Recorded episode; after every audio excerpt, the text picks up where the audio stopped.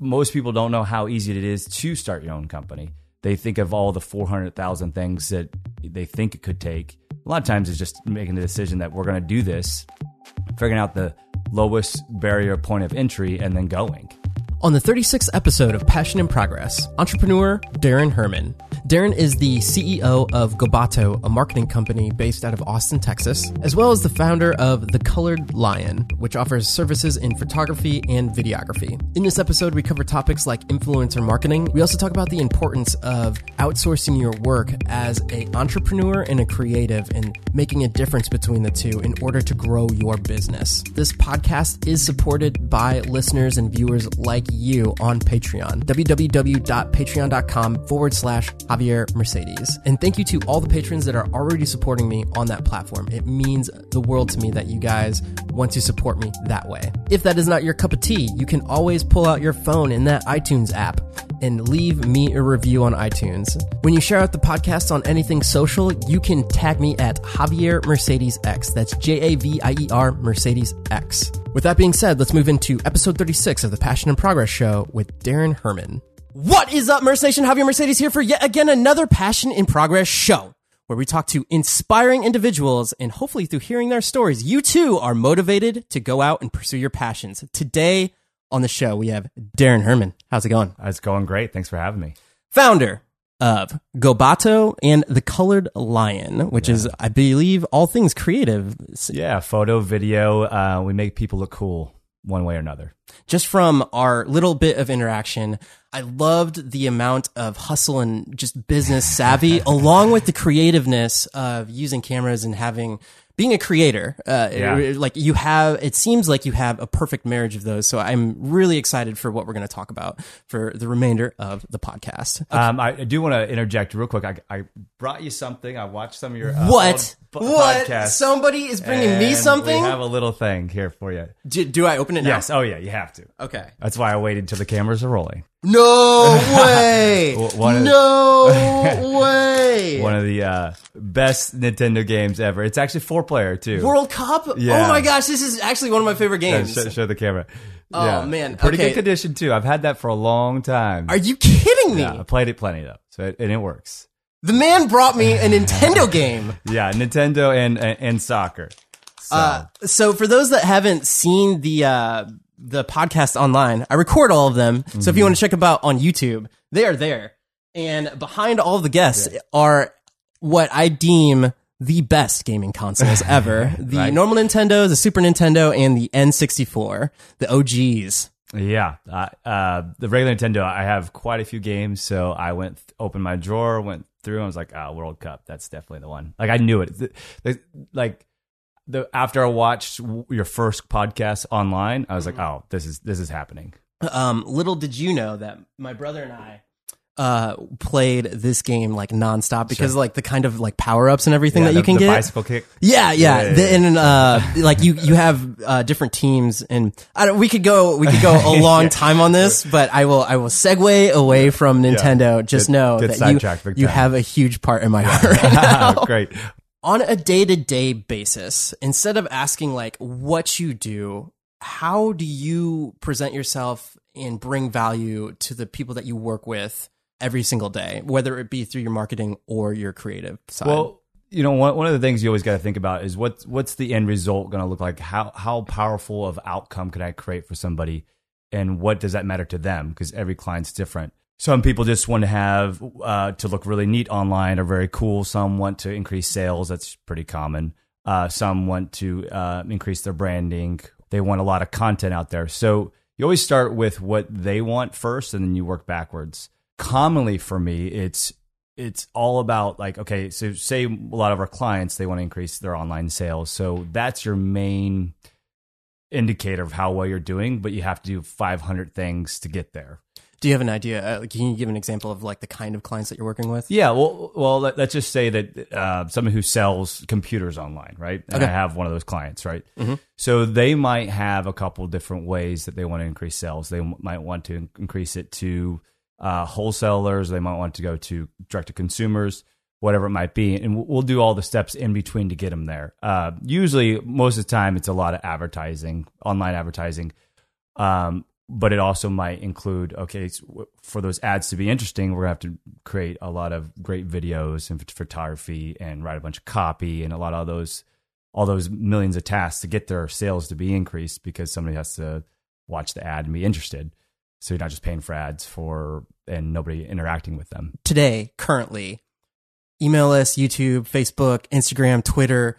Is there a silver bullet at this point? Because there was something that you told me about how marketers just like once they find something that works. Uh, what, Well, what, what, is, what is the thing working right now? Well, everything works just at what um, what's your return and at what rate. So, for instance, what I was what we talked about earlier is what I actually was saying is marketers ruin everything because as soon as we find something that works, we exploit it to the nth degree. But um, so email mar- marketing still works, uh, but it's worth less every single day than th- what it was before. Same with like billboards. It's it just because atten- it's wherever the attention is.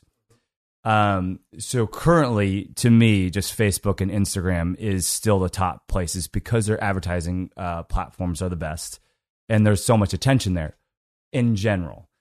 But if I'm going to try to pitch to a you know Fortune 150 CEO, I'm probably not going to go to Instagram, although that still could work, but that might be going to LinkedIn. So it, it's all about target audience and marketplace. Now, here's the thing: if you don't have time for all of them, see which one that you like the best, where your target audience is, and then you know learn everything you can about that and go knee deep into it, as opposed to being not very good at all of them. There's huge amounts of audiences everywhere. I mean, a lot of people saying like, "Oh, Facebook's dying out." I'm like, yeah, perhaps in some seg- segments it, it isn't as good as it probably used to be, but there's still so many people there. And my hope is hopefully some advertising advertisers do pull some dollars so it's cheaper again. It's gotten a lot more expensive lately, but there's no silver bullet. There's just a lot of great opportunities at each at everywhere, even the smaller places like Tumblr or someplace like that. Uh, what kind of questions are you asking of your clients, like when it comes to writing copy or grabbing somebody's attention? Yeah, that, that's always a tough spot. Yeah. What I like to actually, I kind of take a step back and I always like them to kind of start because they know their business, um, and then we improve upon it, or we'll ask a bunch of questions like you're asking now. Um, usually, it's um, you know who is your ideal customer? What do they care about? You know, is there a pain point that they have that we can fix? Which is always huge. You know, you and we've all seen the, the infomercials that take that to a whole different level, right? You know, my back hurts or whatever, and they try to fix somebody's back. But All in gray screen, and then they're like, oh, surprisingly, here's a colored Yeah. screen of something that works. yeah, I mean, what we can do nowadays with online advertising is we can get really niched up. So you can sit there and say, what do people care about in one specific area that's a certain genre of people? So, for instance, for you, I might have ads that have soccer involved, right? And and like what we can go the Nintendo route. Like we could do some kind of '80s 8-bit ad that you're going to care about. And again, I still want to fix your problem or get you interested in one way, shape, or form. I guess to go in a couple different directions. There's one with the ad. You, it's best to best to get that to speak to the audience the best, but also you have to give them value in some way, shape, or form, which a lot of times is fixing a problem or better price or uh, making them luxury. You know, feel like they're you know like how um, people who sell champagne sh- sell this lifestyle, right? So there's a lot of different avenues. On average, let's take Facebook for example, and then we can move into Instagram. How much time? How much time do you have to grab their attention? Well, like uh, none. I mean, it's negative. Uh, so Have fun with that. yeah, yeah. Good luck. Uh, nah, I mean, so when somebody's scrolling, you know how fast people can, sc- can Yeah. scroll. So you either got it or you didn't. Uh, It's it's it's almost uh, a swing and a miss, or you hit a home run type of thing. I mean, yes, if somebody kind of interacts, that there there's something there, but you either are speaking to somebody or not, and and that's the way I look at it. So instead of reaching wide and then trying to get somebody, reach very narrow, and, and then as soon as you feel feel like that works, then then you can expand from there. So, for instance, like I was saying, is I would I would create an ad that speaks to you know one person almost like directly to that person, almost like you knew exactly what was on their mind. And as soon as you feel like you hit that, then you can broaden it out a little bit or duplicate that. How did you? Let, us go ahead and dive in a little bit into the past. Like, how did you get to this point? Because you were telling me that by like 13, you already had your first job, and uh, what was really struck me as cool is just your entrepreneurial spirit from a young age. So yeah, I mean, first job at 13. We grew up poor, but not like super poor. Nobody really knew either. Just we just had jobs. All I have three brothers, and we all kind of worked early. There was a family friend owned, owned a restaurant, so I washed dishes for three bucks an hour, and and you know I figured out that if I just stayed extra 15 minutes. I got an extra 75 cents, you know, so I did that like almost every shift or whatever. so kind of funny about that. Um, that compounds over time. Yeah, that's right. what really what happened with me, and I think I, I always wanted to own a, own a business and all that. And um, oh, so you knew from a young age. I always wanted to. Uh, and I grew up in a smaller town in Kansas where I think small business owners were more prevalent. At least you, you interact with them more often. And I thought that was probably what success was. So, um, and I got lucky. I worked across from a jewelry store. I was working for a shoe store, selling shoes. Uh, this is when I was 18, 19. And um, I became somewhat friends with the jewelry store owner and then ended up working for him eventually. And that became my mentor. So we opened two companies together. My first one with him was when I was 20, and my second one was 21. Um, so, I mean, and then I bought a house in that too. So here I am in college. I got two businesses not like I was making a lot of money, but I had a bunch of businesses and I was working while going to school full full time. Entrepreneur and, before entrepreneurialism was cool, and I had a full time job too, working forty five hours a week. So there was very little time for anything besides work and party, mm-hmm. and, and, you know, going to school, kinda. Um, but right, but I think the biggest hack there was is just getting around people. You know, with having that boss and men, which now now we kind of call a mentor because he was around for a long time, but being around him and around his friends that were all in businesses, it just seemed easier. Like most people don't know how easy it is to start your own company. They think of all the 400,000 things that they think it could take. A lot of times it's just making the decision that we're going to do this, figuring out the lowest barrier point of entry and then going. And back then the internet was much more uh, it's much smaller than it is now. Now you can create a company without any capital. Nobody needs to tell you you need to go. You don't need to get a bank loan half the time. Um, and you can get started. I mean, you can create a, you can sell things on the internet without ever even buying them and drop ship them if you really wanted to. If you know, there's a million things out there. The gatekeepers are kind of gone, um, which is very exciting. And that's what you were doing uh, for one of your first businesses, right? eBay. Uh, yeah, e- e- eBay drop off. So the, uh, the I think I can't remember. A Forty Year Old Virgin was the uh, the movie we already had this store, but where uh, one of the main characters has an eBay company. But anyway, so people would drop off things to, to sell, and we'd sell it for them on eBay and charge a commission for that. Mm-hmm. Um, I, we thought we would have like hundred stores and it'd be really scalable, which it could have possibly been. It was it was very labor intensive, and it was a lot of fun, and uh, we did it for quite a while. Um, but uh, that was kind of the first thing, and that was the first kind of dive into internet marketing. It seems like that would be like a internet pawn shop. Uh, but it, but like, I'm wondering why why wasn't that successful in the long run? Well, uh, a couple things. One, we were in a smaller town, so there ah, so, so and actually much. we made money in that that company. That company was profitable. It wasn't. Mm-hmm. Uh, wasn't the idea wasn't to have one company. It was yeah, to yeah. have this in every single town, or not every single town, but a bunch of towns. Um, and in fact, so what did happen is uh, there was a pawn shop we we remodeled a new place. Got to a better location after about a year, so it was very exciting. And a pawn shop was right next door, kind of a nicer, bigger pawn shop. And we end up uh, merging together the companies. Mm. So that was kind of interesting. These uh, two guys owned the pawn shop, and it was way had way more inventory. Was yeah. way longer. Was way cooler than ours, and I just worked on them. Like kept on hinting, hey, you know, I we'd love to you know partner up. And then eventually one of them wanted out and we paid him almost nothing and, and we merged all together. So here i am at 21 years old just negotiated to merge into this big company with my little ebay company that i started with 2000 bucks. And so um, it was pretty interesting. But then so it was kind of so what we could offer people was hey we can sell it for you online we could pawn it or we can buy it from you. So we gave mm-hmm. somebody as many options as possible uh, which made it a little bit you're eliminating all of the friction. Yeah, it was the idea, right? yeah, and it worked pretty well. I sold it to I sold it to a buddy of mine before leaving town to move to Austin. So and they're, mm-hmm. doing great. So where'd you go from there? So then I moved to Austin. I really just wanted warmer weather. so I came. So I had one friend here only, and I so I moved here in 2008, not knowing how 2008 how bad things were probably getting because it really wasn't that bad here in Austin, and it really wasn't bad in Kansas where I was from but w- with uh, the recession. So looking back, I was like, that was probably a pretty risky move. Uh, so I sold my companies, my house, and then I had a day job as well that I was working at, at the jewelry store with my mentor. So I was still working there. So a lot, you like you know, bigger fish, smaller town type of thing. Uh, but I, I moved away here to Austin, no job, no nothing, sold everything and left in a car, which was a carload, and had a slept on the buddy's couch for like two weeks until I found a place. How was a it job. starting whatever you started here?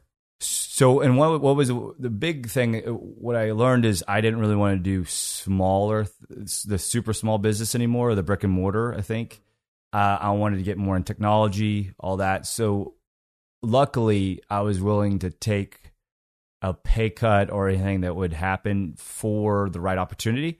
And uh, which came around, there was a uh, computer remanufacturer, they refurbished computers that had a position open that they wanted somebody to run their online store, but also a lot of these other things. It was a lower level position, but and I almost didn't even take the interview in it, but I took the interview and they gave me a tour, and, and the place was just you know ninety thousand square foot, just had all this computer stuff everywhere. It was very. I was like, oh man, and their website was terrible. just, just I was like, oh, there's so much I could do here. So to me, it. I never try to look at okay, how much is they paying me? Uh, It's like, what's my opportunity here? Because it, I think about more five years out than just you know the next three months or something.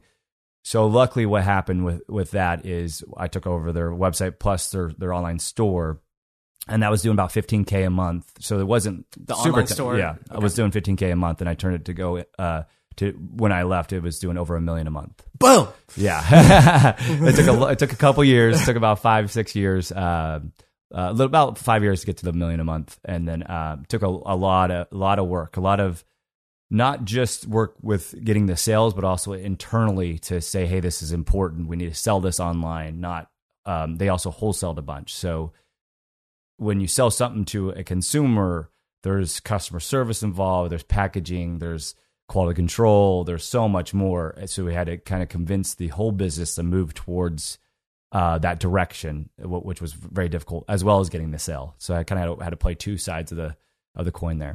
What year was this around?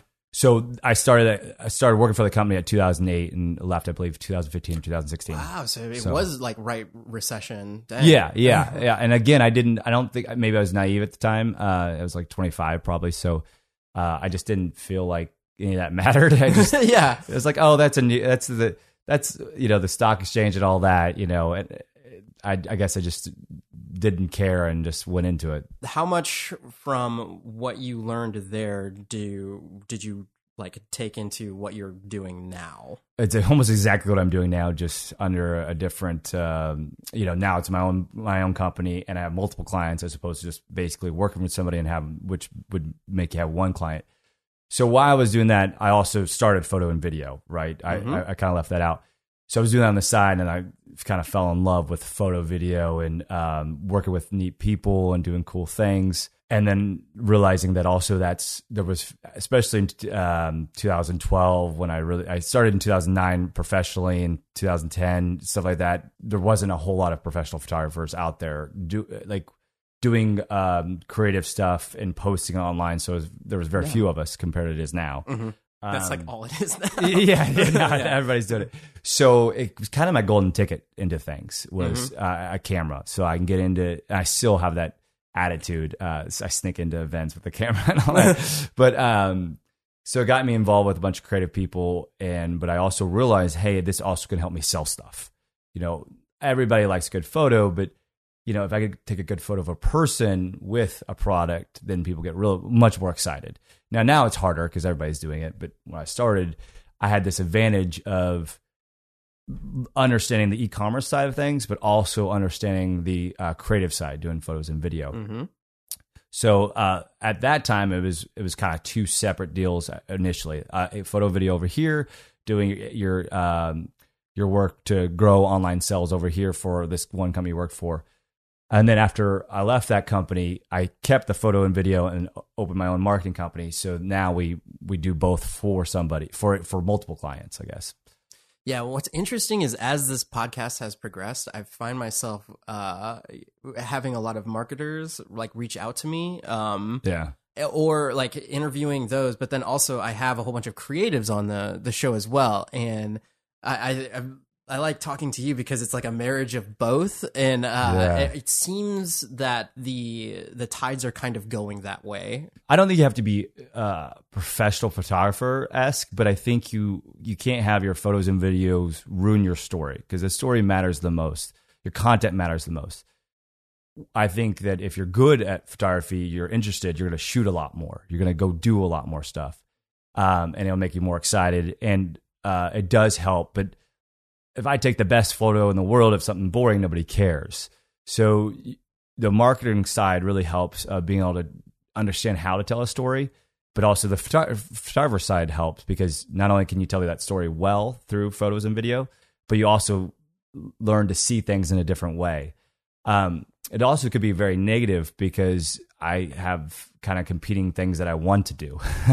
Yeah, dive into that. yeah. So, um, like if if I could just do anything ever, I would just travel the world and do take photos and video. Like, and I, you know, maybe I could even be there. uh, Just it just would be different. You know, I've got a lot of a lot of plans. But then, let's say I did that, I would still be hurt if a friend of mine opened a company and didn't choose me to make their website. So it's kind of a or to help them get their company off the ground. Like so, I I, I have part of me loves this marketing side, and part of me loves this photo and video side.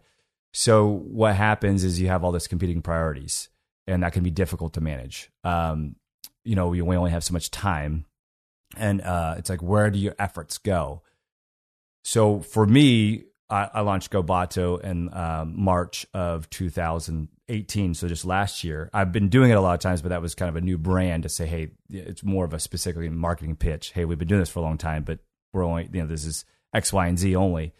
Um, so I put more of my focus there. So which which happens, then you don't get as many photo video clients uh, to go with it, which kind of is those are usually the more fun clients. So it, it, is difficult to do both of them at the level that you want to do it at, at all times, and it's all you versus you. So you get you you expect so much out of yourself, so you have to try to just work harder and get them both there.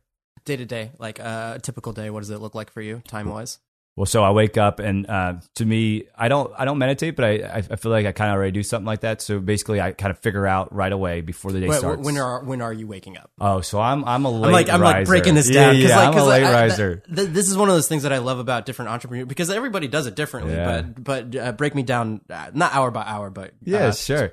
So if I don't have a meeting, like uh, an early meeting, and I usually try to schedule everything after ten, I usually don't wake up till nine because I'm a late. I rather stay up late. So I'm a late riser. I figure out my day before the day starts, and I think this is very important. Is there's usually one to three, sometimes four, but I usually try to keep it under three. Of hey, this is what has to happen today. This is my big goals.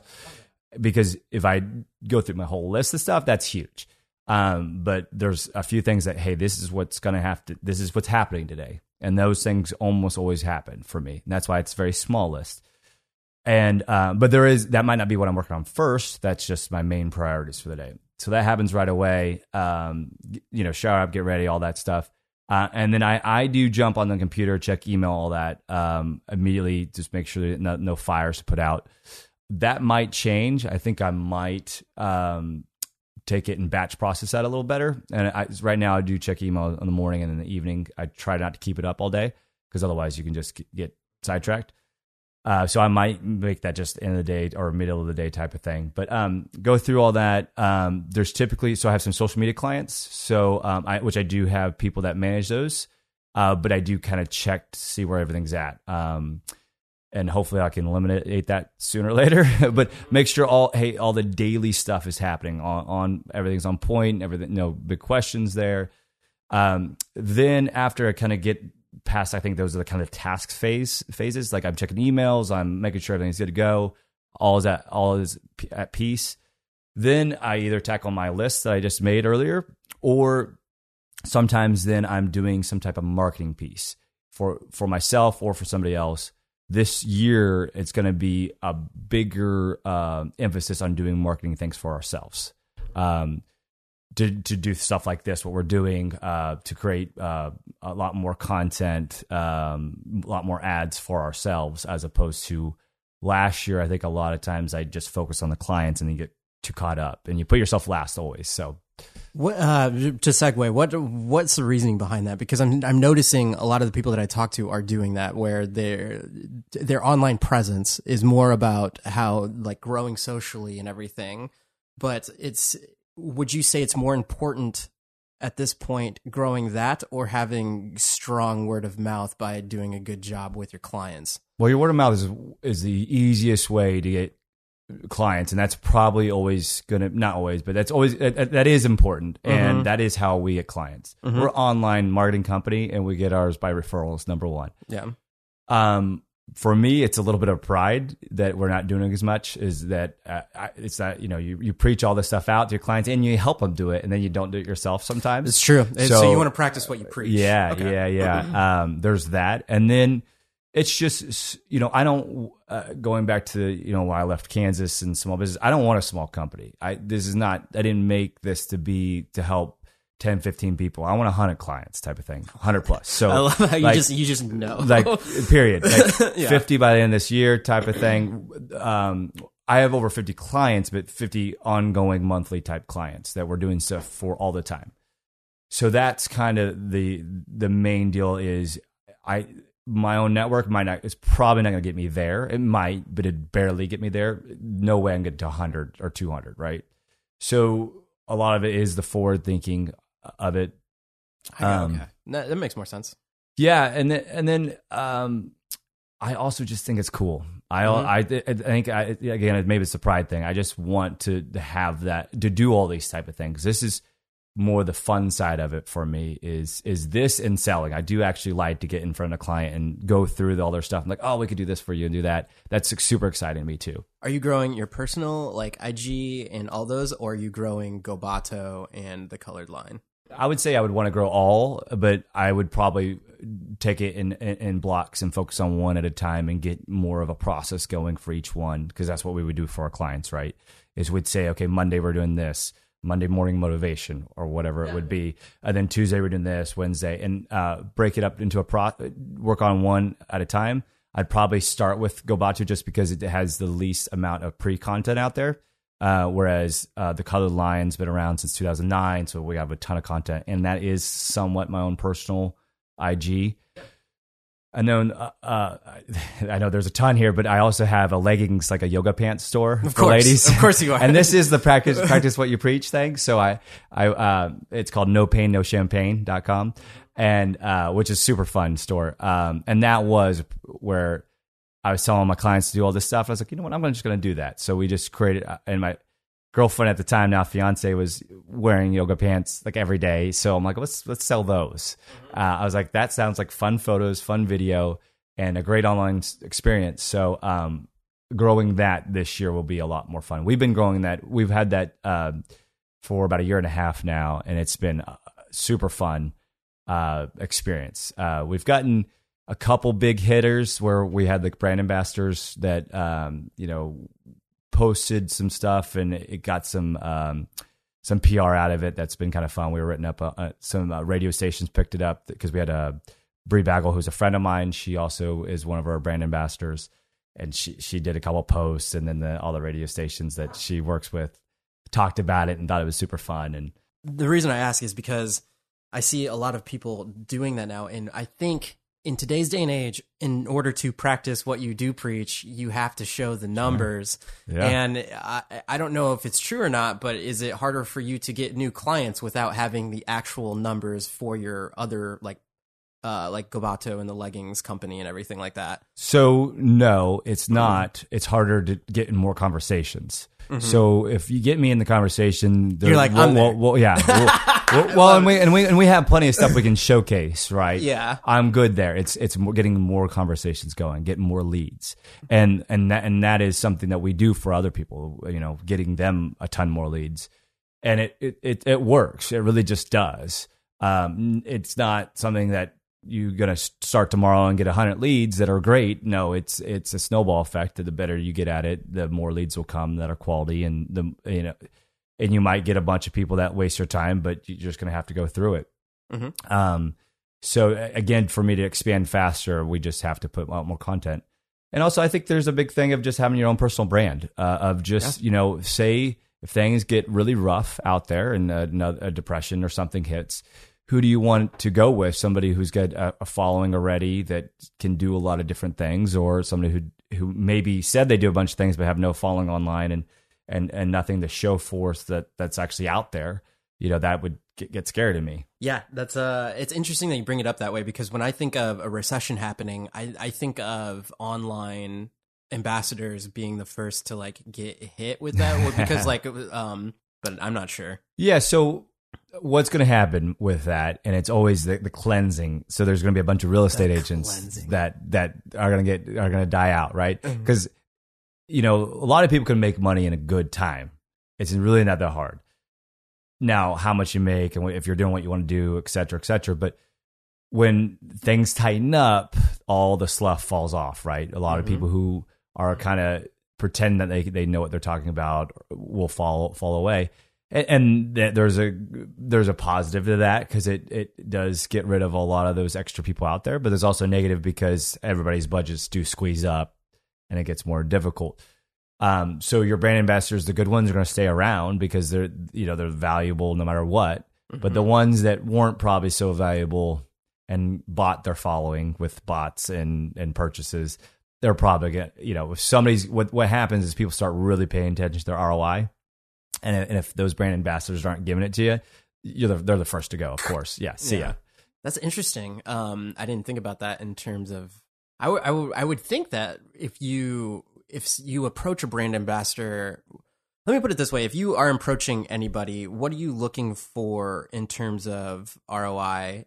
Uh, like, is it hey, how many people can you sell this unit to, or do you do it by a code how do you gauge like yeah. how do you how do you track something like that so there's a bunch of ways doing it there's websites out there ShareASale and um, Linkshare and a bunch of other places uh, that and Amazon's got their own uh, backend that we can track codes uh, you can track links all depends on when we talk about brand ambassador like how do you want that process to go to me there's a bunch of different ways. The, my favorite way is just we give them a percent of the sale, whether it's through a discount code or a special link that it would it be like a, a, affiliate link. Yeah, basically okay. affiliate link or a discount code where we that we track it kind of manually ish. Okay.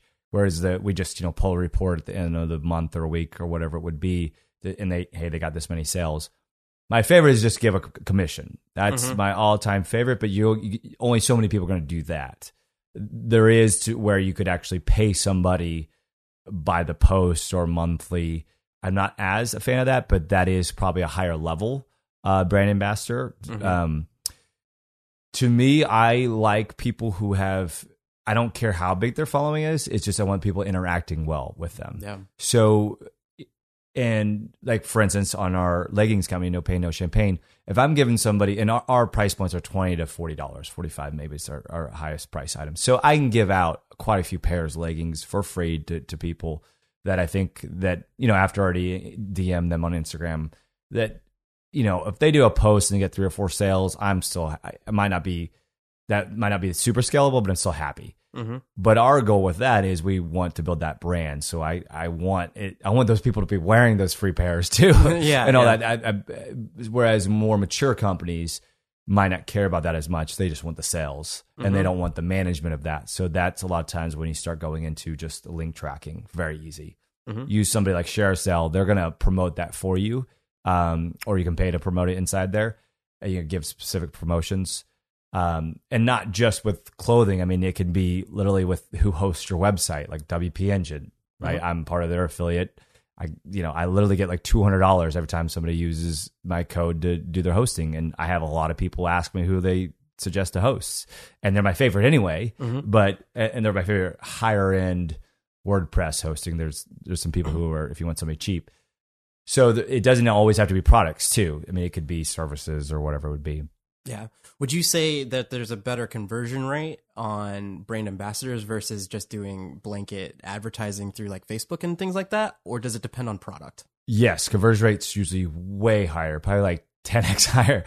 Um, you know, with your ads. Wait, with what? With, with what? oh, sorry, with brand ambassadors. okay, okay. So brand ambassadors are the best. So that's if, where, if that's you can where do it, it is going. Okay. Well, it's where it's at. It's, it's, it's like trust going. me, it's it's already been done, done, done that. Yeah, but when I sit there and say that, I don't want it to sound like that's the only thing you should do. Mm-hmm. Um, ads are very scalable. There's there's a lot of value there, and you can get a return on that as well. So uh, if we go back to that store that we that I grew from 15k a month to a million a month, uh, you know, it wasn't just one thing. We were doing affiliate marketing, we were doing email marketing, we were selling to dealers and consumers, we were selling on eBay, and we are selling on Amazon. Every every little piece might have done a tenth of the sales, and some were stronger than others, some were easier than others. Mm-hmm. I mean, email marketing again is not as powerful as it used to be because people get flooded but it's one of the easiest things. If you have 100,000 people on your list, you make one really nice email uh, and then some a, a bunch of follow up emails kind of on your um, where you can kind of say, hey, if they open it, they get this one and all this. Um, but you can do that, set it up, and hit all those people for almost nothing. Um, whereas your ads, you have to pay each time they click on something. No, yeah. And then there's SEO. So th- to me, the, again, it's there's no silver bullet, but they all shouldn't be ignored. But if you could only do one right now and you didn't have a budget, definitely brand ambassadors. That'd be the first. And if you had a good product that they're going to like, good product or service. That if you don't have that, none of this works. Is there anything that you were telling other companies to do with their marketing and everything, and then when you when you pivoted and started doing everything yourself, that you were like, oh man, maybe this worked, or oh, this worked way much, or like way better than what we thought. Yeah, the brand ambassadors worked better than I thought, uh, and I don't think that I was probably giving uh, it enough credit Mhm. until I did it myself. Yeah, um, like for instance, uh, some the when we launched with the with Bri Bagwell, I mean, and I it was literally I sent her a couple pairs. Here's her discount code. Um, she took an iPhone photo. We were gonna do some. We had a photo shoot scheduled, but she just took an iPhone photo. Like I was in a movie theater and it vibrates my phone when we get sales, and it was just like nonstop. I was like, That's "What is awesome. going on here?" Because she just posted it like 7 p.m. on Instagram, and then Mhm. it just blew up. Right um, now that it's not always going to happen, but I just and it, nothing super crazy, but um, you know, it's a couple thousand in sales off of one post, and that doesn't always happen. And if we were bigger, we probably got even more. And, and say if we've got a bigger brand ambassador, it could have been even more than that too. But for for me to get that with with ads, I probably would have had to do four or five tests, been a week or so of testing, and then I probably would have spent at least a thousand dollars of ads to get that couple grand in sales too. So I still do that side of it, but again, if I had no budget and I was just starting a company, I would definitely partner with some people that uh, have a following. That's awesome. Yeah, it's really cool to hear the the um the other side of it in terms of the people that want to get brand ambassadors. If they're so and I guess for the listeners that are looking to become like influencers and things of that Yeah. nature, what are some tips for them? I guess most now easiest and I that's very much an air quote easiest to grow your um your influence on Instagram or wherever their medium is. What are you looking for? Yeah, so I would not. I'm not looking for just followers. That's that is you know it is an indication. I don't want somebody with 50 followers, right? So you got to have some following. But to me, it's more somebody who's very genuine and very they're they're like they're into one thing and they're they're into it, right? And they're very genuine about it. So if you're like if I was selling cameras and somebody was into reviewing cameras or just into just photography in general, I want someone who's super into that niche, Gotcha. that general niche Mm-hmm. and it doesn't have doesn't mean that everything you do needs to be on that niche but i just i want somebody that i would assume and i would follow them right away and i would dm them and a lot of people don't respond um but It's I just- interesting because you actually want to give them money. yeah no 100% yeah yeah yeah but, but they're but they they ignore it. yeah like and uh, I- would i don't offer free product right away but i usually would give it you know Mhm. like and that's pretty common because i also want them to like my product i don't want somebody just to do it just for the money now the money keeps them going Mm-hmm. if you're not paying well, somebody's not going to keep posting. Mm-hmm. I want somebody to keep posting. That that's why the money's there and more free product. Um, because I want them to like it. So for the and I think it's just so easy to keep talking about the uh, no pain no champagne brand because it's something we do a lot of tests on. We're gonna a lot of people are into yoga or fitness Yeah. or those are the people who we're hitting up, right? Mhm. Although our brand does do well with which I never thought like sixty year olds. I that's actually sixty year old female. I would I would- that's actually probably either number one or number two age group. That's great. Yeah, I would never have thought that's not who we're trying. And so we're starting to we're going to come up with some ad campaigns towards them. Uh, that's you know most of our models are all young. They're twenty five year olds. Like, well, maybe we need to do some sixty year old models. Um, It'd be funny if you post those and then all of a sudden the 25 year olds They start buying. right. So, uh, but yeah, I would definitely want to inter- interact with people who are into yoga and into fitness because that's what we, what we want to be too. Or into, into brunch, Sunday brunch with the mimosa. That's, you know, we're no pain, no champagne. That's kind of the point. Yeah. So, um, yeah. So, but to go back specifically on the answer is I would say just keep doing what you're doing, be real about it, document a lot of things, and just keep going. Don't be frustrated because I have five, only 500 followers. Like, I think that's the most ridiculous thing to worry about is the amount of followers you have because it doesn't mean anything. You know, it, I would care about how many people are interacting with you. You know, are they asking questions? Are they liking your stuff? Whatever that would be. That's to me is more important than the amount of followers you have. Yeah, for sure. Building a trust. That's exactly what it is. Because when you and then you know, uh, and also, are they posting some product every day like that? Then that's no trust either. Like I don't want somebody who's brand ambassador for seven different places. So there's that too. That's, that that actually choose. is a good tip because if you do become, would you say if uh, to other influencers? Well, I guess if, if you're not in their shoes, but uh, from what you just said, would it be better to ask for more compensation for a select few brands than to uh, go for everything? Yeah, and when I when you say compensation, there's money. I think is one side of it, or something that you really like. For instance, if you're so you're into audio, so if you would go with the audio brand, one, it'd have to be something that you would want to use, Yeah. and two, like if they offered you some new mics or something, some mic that you didn't have, you'd probably get really excited about that. So, but yeah, if you go into that though, you kind of have to be like be deciding that this is the only brand you're going to be with. Like That's crazy. like, That's say a good piece of advice. yeah, I mean, you. It's fine if you do another one a year later or something, or six months later, maybe. But like, for instance, if somebody's repping ours and then, then they're repping, you know, somebody's two weeks later, like, I mean, I still would be okay with it, but I'm not gonna keep sending them stuff. Would it be so? What about if, so you have leggings, but then like a coffee company reaches out to them? That I'm assuming would that be like Totally great, just Yeah. not every post. You know, yeah, It's- yeah, yeah, exactly. And there's Like- stories now too, so the stories go away. So, and they're the ones that work the most right now. You know, Facebook Live, and then it would be, to me, Facebook Live is your most powerful, and then um, it would be their stories, either Instagram, Facebook, or Snapchat, whatever, wherever you like to play, and then the posts are, are last. So I think you have to. I think now more than ever, and this is kind of on purpose by Facebook and Instagram, is your posts is more your branding. So I'd be careful with you know your posts that it. I don't care that it looks they all look the same. That's I'm not into that. To me, it's like posts when you can and make it the best you can, but don't they don't have to have all the same color schemes unless you're really into that. But I would just be wary if every single post had a product in it. Yeah, yeah, that would sure. seem overkill. But yeah, if it was it was mixed in here and there, who cares, right? Uh, let's get back into coming back segue uh, your habits uh, during the day. So you Yeah. you planned out your day. You're doing your three tasks. What what happens next? Okay, so it, it all depends. Um, do your three tasks. Hopefully, those don't take all day. Sometimes they do. Um, depending on when I start that, depending on how the, the just the normal tasks go, just checking out stuff. So I'm pretty re- religious about working out over lunch.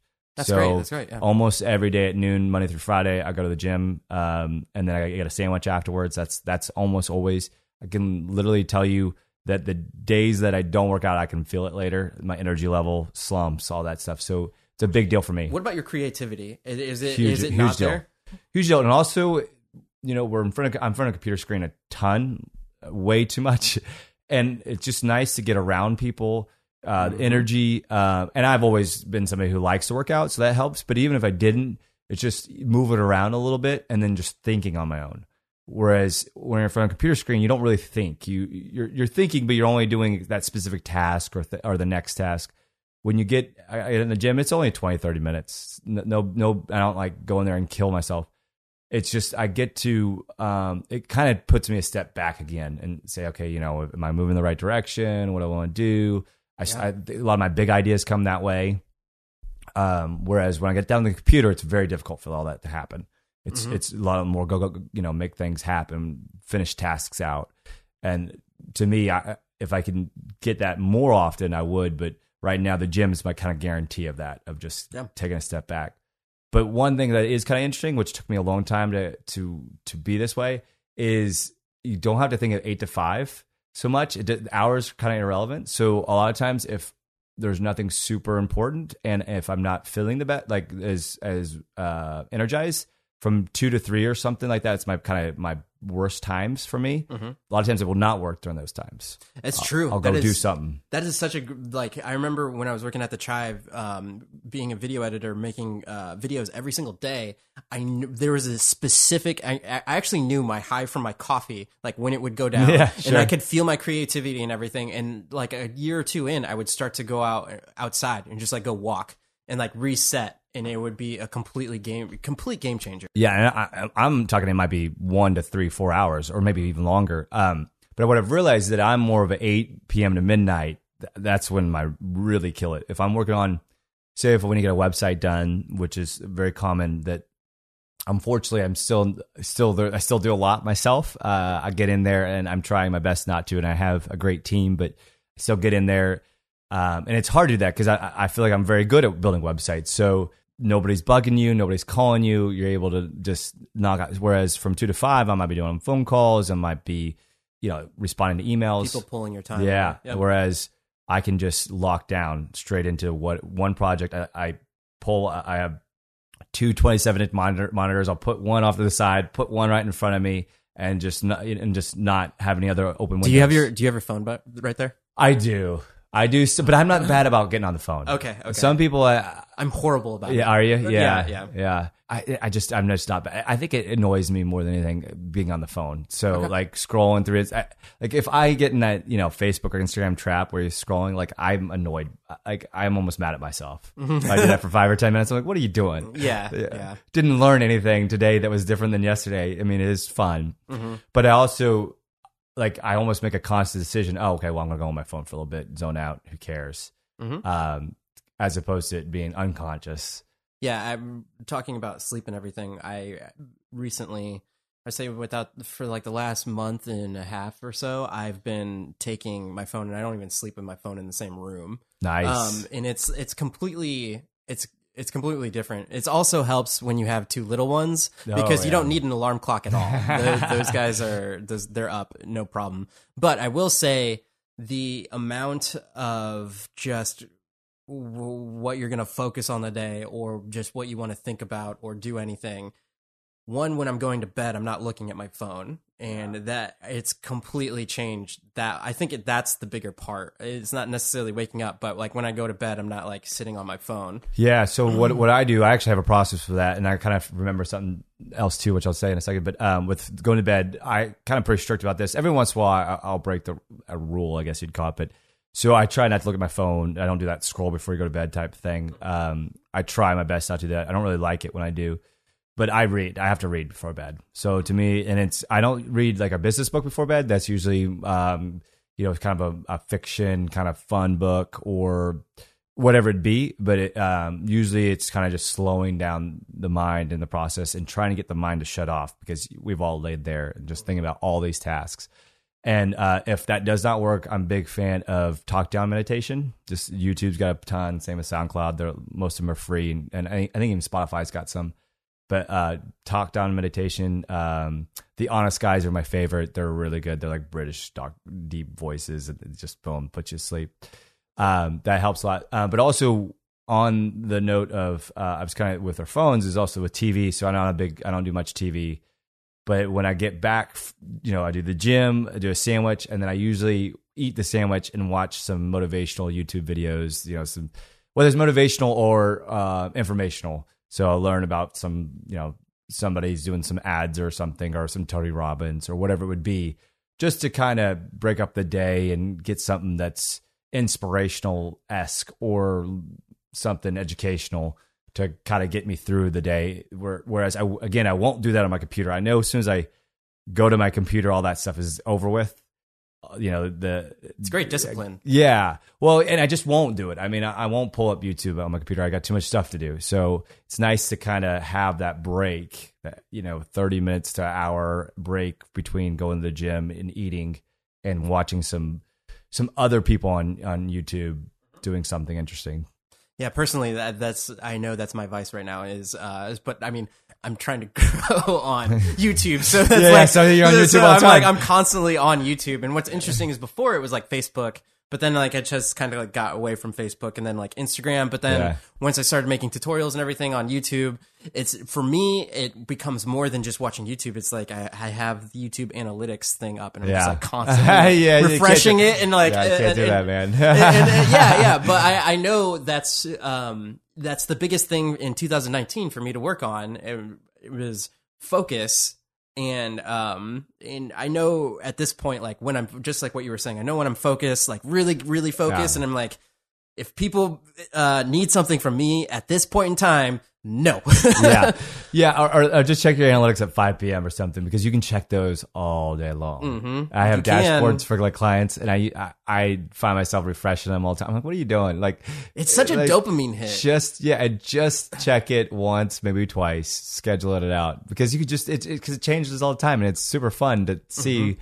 how things are going, but it provides no value. I mean, it's it is good to be up to date. Don't get me wrong, but you don't need to be up to date like within 30 seconds. Oh, I get it. I, I, I totally get it. But it, it, I know for sure if I were to not necessarily cut it out, but like f- like focusing on what I need to do, that would be like oh, I'd be eons more. yeah, sure. With with that in mind, though, because what you were talking about earlier with um, delegating and all that stuff. Yeah. How far can one get when they're just doing everything by themselves? Like, so for for me in this instance, like I'm doing, um, I, d- I do the YouTube videos, but I'm also freelancing to like pay the bills on the si- on the side. Like that's mainly paying the bills. But then I've also gotten to the point where I have other sources of income coming in now with the quote unquote influence. But um, there there's there's at least something there that I know. Okay, this is tangible. I can work toward this. But as, as it is, when you were doing your own business and everything, at what point were you like, I should stop doing these tasks? I should do, I should have other people do this and getting around, I don't know, running your life Right. as a business. So, so to me, you don't have to do any of that. It just depends on what you want. Mm-hmm. It, it to me, it, it, you have to think about what you want and then work backwards from there. Again, I want a big company. I I, I don't want. I, the- I love how you best- say that too. Yeah, I don't want the I want I don't want the best. I don't want to be the best freelancer. That's not my goal. Mm-hmm. So, but if that was my goal, then yeah, I would do ninety eight percent or hundred. I do not on- want to be on that best exact- freelancer. so- that is not me. what outsourcing does, it allows you to grow exponentially. Um, and it allows you to also figure out how other people do stuff. And there is a lot of people doing things out there that are better than you. So, for instance, when we do a lot of video stuff, I love doing shooting video. I love directing. I love producing. But I've learned that I'm not that as good a shooter as a lot of people out there. Like not even close. I thought I used to be really, really good, and I'm better than some people, but way worse than others. Yeah. So, and um, I also would love to be like the best Steadicam operator, but I have put zero hours in that. Right. So I know I'm not. That's not a priority of mine. So I hire that out. Right and then you learn a lot from those people. So there's the there's I think some of those are a little easier, like you know shooting a video production. You can't just do it all yourself Oh, if you want to charge a lot, right? Yeah. just not gonna happen. And also, it, it's just a different deal. Like you're not it take you 14 hours to do all the lighting and all the sound and Mm-hmm. and all the different angles. So that makes it easier. But I think more your questions based upon like your day to day operations. So the first thing I would look at is what's the, something you do all, the same thing over and over again, whether it's daily, weekly, monthly, whatever it is, but it's very consistent. Mm-hmm. Get that out of there, right? Write up a document just on Google Docs or whatever. Write it up. This is how you do a, point A to point B, or record it, or just screen record your screen and just record it. Don't worry about hiring somebody. Just get the steps out there. Then go to Upwork.com, Fiverr, whatever it is. I use Upwork the most and hire somebody. Just put it out there and say, hey, this is what I do all the time. Like if you, don't you don't even need to care what it costs. You could just see what people charge. I usually just like to put uh, my own cost out there because i've been doing it for a long time. But get those out of there. Get that stuff is not valuable. The next would be is so how can you make things better with freelancers like mm-hmm. after you get out of the all the mundane stuff that you have to do over and over Hiring. yeah, and how do you? But how do you make things better? So, for instance, for yours is how do you take your one piece, big piece of chunk of content, and then cut that up into a ton of different pieces of content to to make things grow. Like we were briefly chatting about before we ah. started. You're, And, and so you somebody are hitting else. it on a T right yeah, now. oh my god. but god! the problem is, you're like, oh, I'm a good video editor. So I I, can don't care. all of it. Yes, yeah. just you you could. That- the big key where there's could. So so one of the things I would suggest is give yourself a budget. 50 bucks, $100, whatever it is per month or per week, whatever works for you. It can be it could be $5, I don't care what it is, but give yourself a budget and then say, okay, what's the most uh, powerful thing that I can get out of this money that I'm I'm I'm putting towards this. So to me, for you, if you put hundred dollars a month, you could get some video editor that's probably overseas. It might not be, but or it could be an intern or whatever it might be, depending on what you're comfortable with. I actually like people overseas because the time difference is fantastic. I go to bed, they're working, they're they're waking up. my brother, my brother runs his own company, does Excel spreadsheet stuff, and he has same same deal. Yeah, and I'm mm-hmm. actually a huge fan of that because mm-hmm. then it's kind of a round the clock. Sometimes I'll talk to a client 3 p.m. and it's a four or five hour deal. I'll show it off, send it off, and then it's done. You know, I get I get to check it out when I wake up, and that's awesome to me. It's also motivational to do it more often. The best way to hire those is give them a smaller task first. Don't get out there and give them the biggest task ever because you they might not even if they have really good reviews, you might not like their communication, you might not like their style give them a small task and then give them bigger and bigger and bigger as you go. Um, I have freelancers that I've paid every week for two, three years now. I mean, they're still freelancers, but because, but that's just the the way that things are set up nowadays. But and I don't call them employees because they're really not. But you know, they're they're there. I, I, I feel like they're part of, part of the team, but Yeah, uh, you know, I could if if those type of tasks run out, I just would not hire them still, or I'd find something that other other for them to do because they're good. But to me, it would actually be video editing. I would probably be your the the thing that you hate to get rid of the most is probably the thing you should get rid of. yeah. yeah, Uh, so in, in any circumstance, with any business that you're able to source out via somebody doing it online, which I'm sure even for people entrepreneurs that don't think that some task could get Yeah. uh, sent out online, the it's the biggest piece I think from that was start small uh, with Yeah. with some task that you know that can get done and see how it goes from there. Yeah, and just start. So this is this is a key theme over a lot of things. Is people want everything to be perfect right off, right off the bat. Oh, yeah. So they want to. Oh, I need to find this freelancer do this, this, and this, and this, and and I. It's just like just go, like like literally get on your phone, give them a task that it does. Even if you can do it yourself or you've done it yourself, give somebody a task, get going, get the conversation going, because it is easier than you think.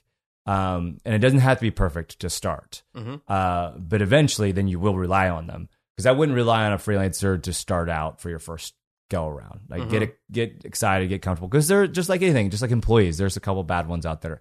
I've been very lucky that almost all of them have been good.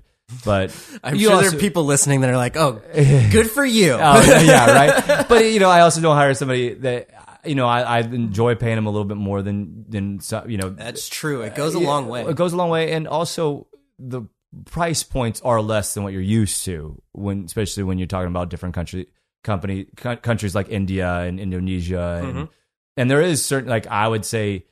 You know, India is really great for a lot of web stuff. A lot of pro- programmers, they're pretty good, but I probably wouldn't go them to design. I would go to more like Indonesia for design. Now, that's a generality, of course. Um, but and then like Pakistan's more expensive. You know, the- it's it's all interesting, but sometimes they're really great. And then I still hire people from the U.S. and Canada and wherever else. To me, I'm kind of indifferent to where they're from. I just like the portfolio for their for for the cost Mhm. is usually and there there's there's a certain style for people in U.S. and Canada that you just sometimes can't get overseas. Mhm. Just I don't know what it is, but yeah, this usually a, just a kind of cooler, cleaner style. What do you look for most? Uh, So, let's say somebody is on Upwork. What do you look for most? Communication. Communication. Yeah, I don't care if You you're just late. said just that so Yeah, fast. Yeah, you. Yeah, if, if they don't communicate well, uh, and if they don't communicate, uh, if they don't tell me when something's gonna be late, like that's our biggest problem. I don't care how good they are for the cost. It's just not worth it to me. Because if I'm gonna be late on anything, I want to tell my client as fast as possible. Like, because I think that's just, and I'm so big about how that whole process works with the interaction with the client. And you know, like if I say a date, we hardly ever push unless we absolutely have to So yeah, I don't care how good your work is if you don't talk to me. yeah. Do, does some of that too have to do with internet things where say they have to like give you a file or something like that and then just something falls through like their internet went down or like yeah, yeah, I don't experience that too much, but uh, what I guess another kind of tidbit is is the more you're organized yourself, the better the whole process is going to go. So basically, I'll make a document where it's like you put all your files here, you do all, and I, and we do the same thing every time, so it's pretty easy after you make it, but. Uh, We we want X, Y, and Z done by this date. Now you always kind of like pad it like two or three days just in case. And but the more organized you are, the, the easier everything's going to go. And when you work with somebody overseas, get rid of all your extra words. Like don't fluff it up. It's you know I get right to the point. I don't try to use a bunch of adjectives and stuff. It's like we need this done by February fifteenth, right? That's Like, awesome. That's and a then, great piece of and then though. here's a screenshot of what we're looking at, or whatever it would be, or here's an example, a couple links, and you'll get better at that as you go. But that'll save a lot of back and forth because a lot of these people, again, they might be waking up when you're going to bed, and you might not want to. Mm-hmm. And then if you miss a day just for a simple question, that's kind of annoying, and and that's your fault, not theirs, yeah. right? As we begin to wrap up, how would you say why is it you do what you do? Oh, that's that's always a that's a tough question, but um, it's, it's just I can't I can't not do it. That, I think that's probably the easiest way possible. It would drive me nuts to not have a camera when I'm traveling around or going around and about. It, it would drive me nuts if a friend of mine or something I see, or it drives me nuts even if they're not a friend and I see somebody put something out there that I really like, whether it's photo, video, or marketing wise. I'm like, mm, I gotta, you know, I I can be better than that, you know. Um, Oh, okay. So like, it just, I just, it, there's just no other alternative. Even if I didn't do it on my own, like for instance, say in the future, if I worked for somebody else, you know, instead of my own company, I don't think that's relevant as much as the work that I would like to do. Uh, and then one question that I ask everybody at the end of the podcast is to get from, let's say, you were washing dishes. Uh, Yeah. From that point to now, uh, if you were to give advice to somebody else to where you're at now, what would you tell them? just get around the right people and and and then keep getting around the right people and care you know I'm, i don't care so much about being around the wrong people. Just you know realize it is what it is like that's what you're doing. But being around people will not only open your eyes but they'll also give you opportunities. And it doesn't matter what they pay you. Mm-hmm. Does it's worth way more than you could ever imagine. It's interesting um, because I feel like that's a topic that is brought up a lot in in this podcast, and I there's only like so much you can preach before like if somebody's not listening to that kind of advice, and then uh, what seems so simple it just it, it it's, does it's seem real simple, but let's like, how would somebody go about? Do, I I love what you said about working out all the time because I feel like uh the people that are doing that are the motivated individuals that, um, even if you're say you're not even talking to anybody there, you're still in an atmosphere where people are bettering themselves physically. You know, Yeah. I think just being in that in and of itself helps you um, make the right decisions when other stuff comes up. that's going to always happen though. Life always happens. Um, so if we go with the workout route, like to me, consistency, consistency and convenience is always going to work the best for you. Make it super easy to do it and do it often, and, and don't worry about being perfect. I think that's a lot with other things with business too. you don't have to be perfect originally; just keep doing it. You're going to get better. Like if people always come up to me and ask me how to be a, photographer or a better one, I go take a thousand photos a month. When you get done with that, after a month or two, do a thousand photos a week. They're like, oh, what about camera? This I go, no, just do a thousand photos a month Mm-hmm, and then switch to a thousand a week and then talk to me because you learn so much just going and doing. And if you don't start, you just you will never start. Like you, you just have to start. Don't worry about everything else. Just go, go, start it. Be bad, and, and it'll it'll hurt your pride, but it's much better than not doing it at all. How much do you read versus doing, uh, implicating stuff that you've read about? Well, so to me, I I read a lot for entertainment, and Okay. I, I do read uh, here and there. But I'm a YouTube. I watch a lot of YouTube videos of what other people do, and it usually just pisses me off that I need to be doing more. I just like ah, I could do that. Uh, so um, I. And I, I and I think it's really powerful to belong to these Facebook groups. There's so many great fa- like Kingpinning is one that's great for e-commerce people who want to launch their own store. Austin area photographers and models is fantastic if you live here in Austin for photo. If there's so many people that will do stuff for free with you, like whether you're a model or you're a photographer or videographer, whatever. um, there's meetups. There's just so much stuff out there. Like, and I, I think it hurts to hear it, but it's your own fault. Like, if you don't get involved with this stuff, but it is also I understand there might be some social anxiety, so you don't have to do the physical stuff, but maybe get on there, get online, and become a part. Don't get on there and sell, sell, sell. Get on there and interact, and you know, Add maybe, value. add value, or even just interact. I mean, people, mm-hmm. I love it when people say they like something that I put out there, or that they just comment and ask a question. Like we're looking for that. Like if people ask questions on your videos on YouTube, that's exciting for you. You're like, mm-hmm. oh, great. If you know, if somebody said, hey, you know, could I shadow you for a day? How you're not going to say that no to that. Like, mm-hmm. I think a lot of people uh, forget about how much we also enjoy their feedback and them asking questions or to to to come along for the ride because I would love to teach somebody some of this stuff. Or you want to come to the gym? I'm looking for a gym partner. I'll pay I'll pay for your gym membership. Like, seriously, Yeah. Like, um, so I guess don't you know? I don't know. I think people get intimidating about all the certain steps they'll take to get there. Again, just start and just go, and it doesn't have to be good even to start. Well, awesome, man. Thank you so much for your time. Where can people find you for your services and uh, whatever whatever you want to push people so, to? So goboto.com, G-O-B-O-T-O.com, uh, coloredlion.com. And then I've always already talked about a bunch of other things. Twitter's at Daran, D-A-R-A-N. Mm-hmm. Probably, I don't, not on it as much, but a lot of times that's easy, easy to connect. Um, and then I, and then probably my main Instagram is at colored lion. Um, I, that's the one that I do post some like personal photos to as well. So that's probably DM me on that. It'd probably be the most fun.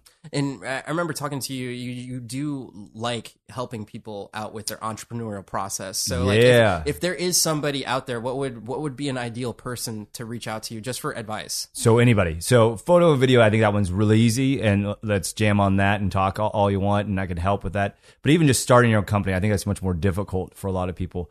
And I've I've helped. Oh, I don't know how many 10, 20 people start their own companies. Just keep moving them. I just kind of push them. They already know what they're usually what need to do, but I I'm really good at giving that final push, or even just to work out your idea to see what you should do next.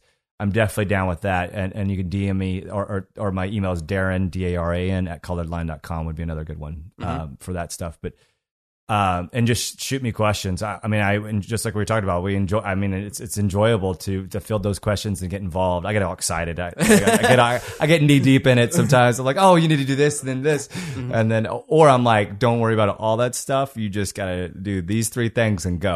All right, thank you again for your time. course, and this has been awesome. Till next episode, don't forget to live that life of abundance, and I will see you guys on the next one. We're gonna go jam. Yes. Awesome. Thank you so much, man.